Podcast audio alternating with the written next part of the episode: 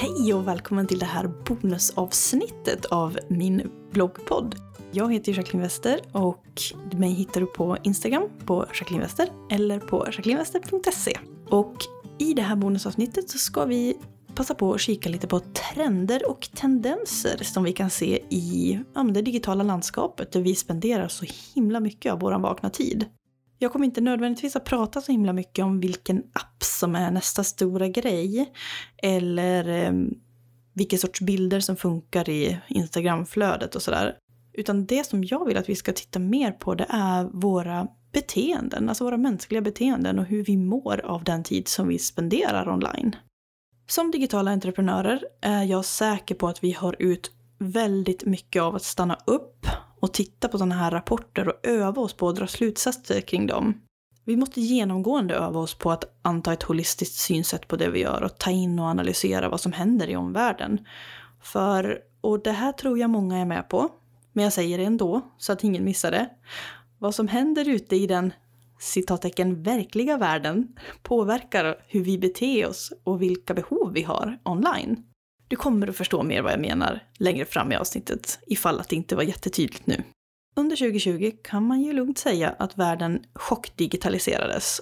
Och även om du är en van internetanvändare så blev vi alla intvingade i en vardag som tog helt andra former, annan dynamik än förut och där den digitala närvaron spelar en enormt viktig roll, både i arbete och privat. Vi har verkligen behövt använda internet till allt och det har varit det enda sättet för många att hålla en fortsatt nära kontakt med vänner och familj och sådär utan att kunna träffa dem fysiskt.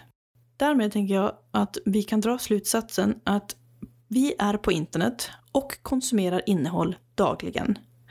Det var vi redan innan pandemin slog till, så det i sig är inga nyheter. Men vilket innehåll är det vi konsumerar? Flera trendrapporter som rör digital marketing tar upp det faktum att så kallat ephemeral, hur man nu talar det, content, ephemeral content, alltså tillfälligt innehåll, som exempelvis eh, Instagram stories, eh, Snapchat, har ökat jättemycket under 2020 och kommer förmodligen att fortsätta hålla ett fast grepp om oss även under 2021 och framåt. Men vad är det då som vi gillar så mycket? Varför gillar vi det så mycket?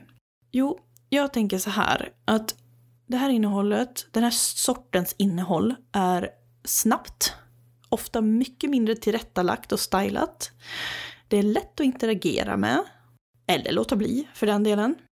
Det är, ja, men det är enkelt att konsumera, samtidigt som det blir en inblick i vardagen och kanske bidrar till en känsla av mänsklig kontakt, att vara nära.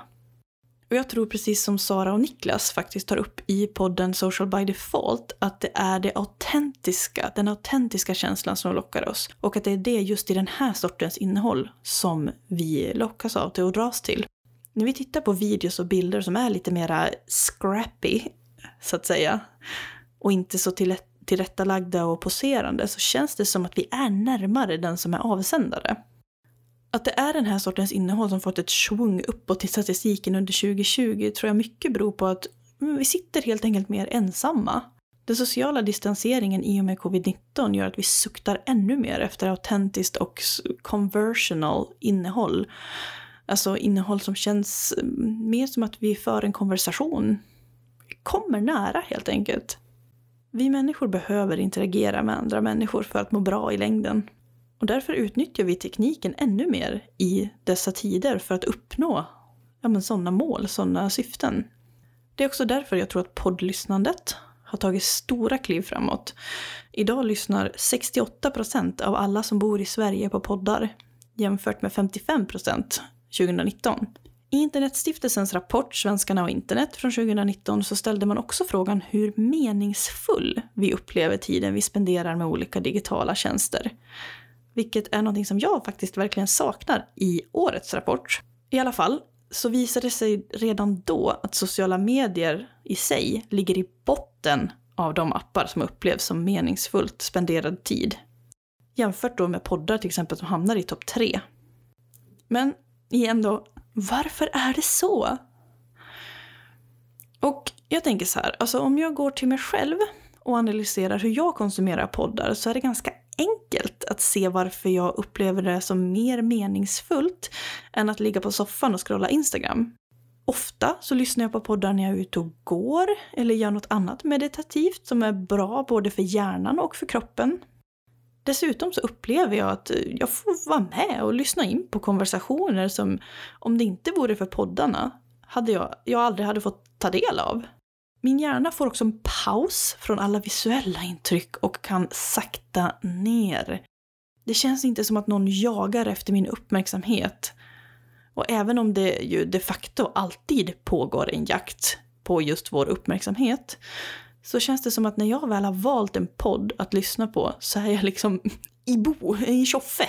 I min poddlyssnarbubbla kan ingen hitta mig och pocka på min uppmärksamhet. Personligen så lyssnar jag dessutom väldigt selektivt på poddar som handlar om eh, tips och tricks och strategier som har med mitt jobb att göra. När jag lyssnar på poddar så vill jag helst lyssna på sånt som gör att jag tänker nya tankar och som sagt får höra sånt som jag inte hade fått höra annars. Och dessutom kan jag då släppa alla tankar på att säga, åh gud, det här måste jag komma ihåg till sen och det här måste jag skriva upp. Och hjärnan jobbar inte aktivt på det sättet. I ljuset av det här så är jag inte alls förvånad över att appen Clubhouse har fått en så stor spridning på senare tid och jag tror definitivt att den kommer växa jättestort under 2021. Det är ett väldigt spännande format, tycker jag, att plocka bort det visuella helt och bara köra ljud och det är live och vem som helst får prata. Och ja, det ska bli väldigt intressant tycker jag att se hur den här plattformen kommer utvecklas under året. Så vad är då kontentan av allt det här? Ja, 2020 i ett nötskal. Vi saknar mänskliga interaktioner, kontakt och är trötta på teknik. Vi är tekniktrötta. Så jag tänker att du då som digital entreprenör, när du går vidare under 2021, så tror jag att det är av stor vikt att du bland annat har de här sakerna i åtanke när du skapar strategi och innehåll till sociala medier. Men också när du ska designa dina erbjudanden. Jag tänkte dela med mig nu av några frågor som du kan ställa dig själv när du brainstormar eller får en idé som du vill skapa. Fram med papper och penna eller anteckna i mobilen så kör vi några frågor här nu för att checka in på din brainstorming. Fråga nummer ett. Hur mår ditt ideal community idag? Vad behöver de ifrån dig? Fråga två. Vad kan du göra för att knyta autentiska band till ditt community och bygga relation med dem? En riktig relation. Och fråga tre. Hur kan du skapa upplevelser för dem som inte känns överväldigande och utmattande? Om du blir nyfiken av att läsa mer om det här så finns det massor av olika trendrapporter där ute. Det är bara en googling bort. Men du kan titta på till exempel Svenskarna och internet, Falcon.io och eh, såklart lyssna på Social by Default avsnitt 139. Innan vi lägger på för den här gången så vill jag säga tack för att du har hängt med mig den här stunden och ville lyssna. Mig hittar du på Instagram när du söker på Jacqueline Wester och följ mig gärna där. Eller så hittar du mig på min sajt, på Och om du har några önskemål på ämnen som du vill att jag ska prata om, eller tips eller någonting, så skicka mig ett DM eller ett mail. Jag vill jättegärna höra från dig som lyssnar. Ha det gott så hörs vi längre fram!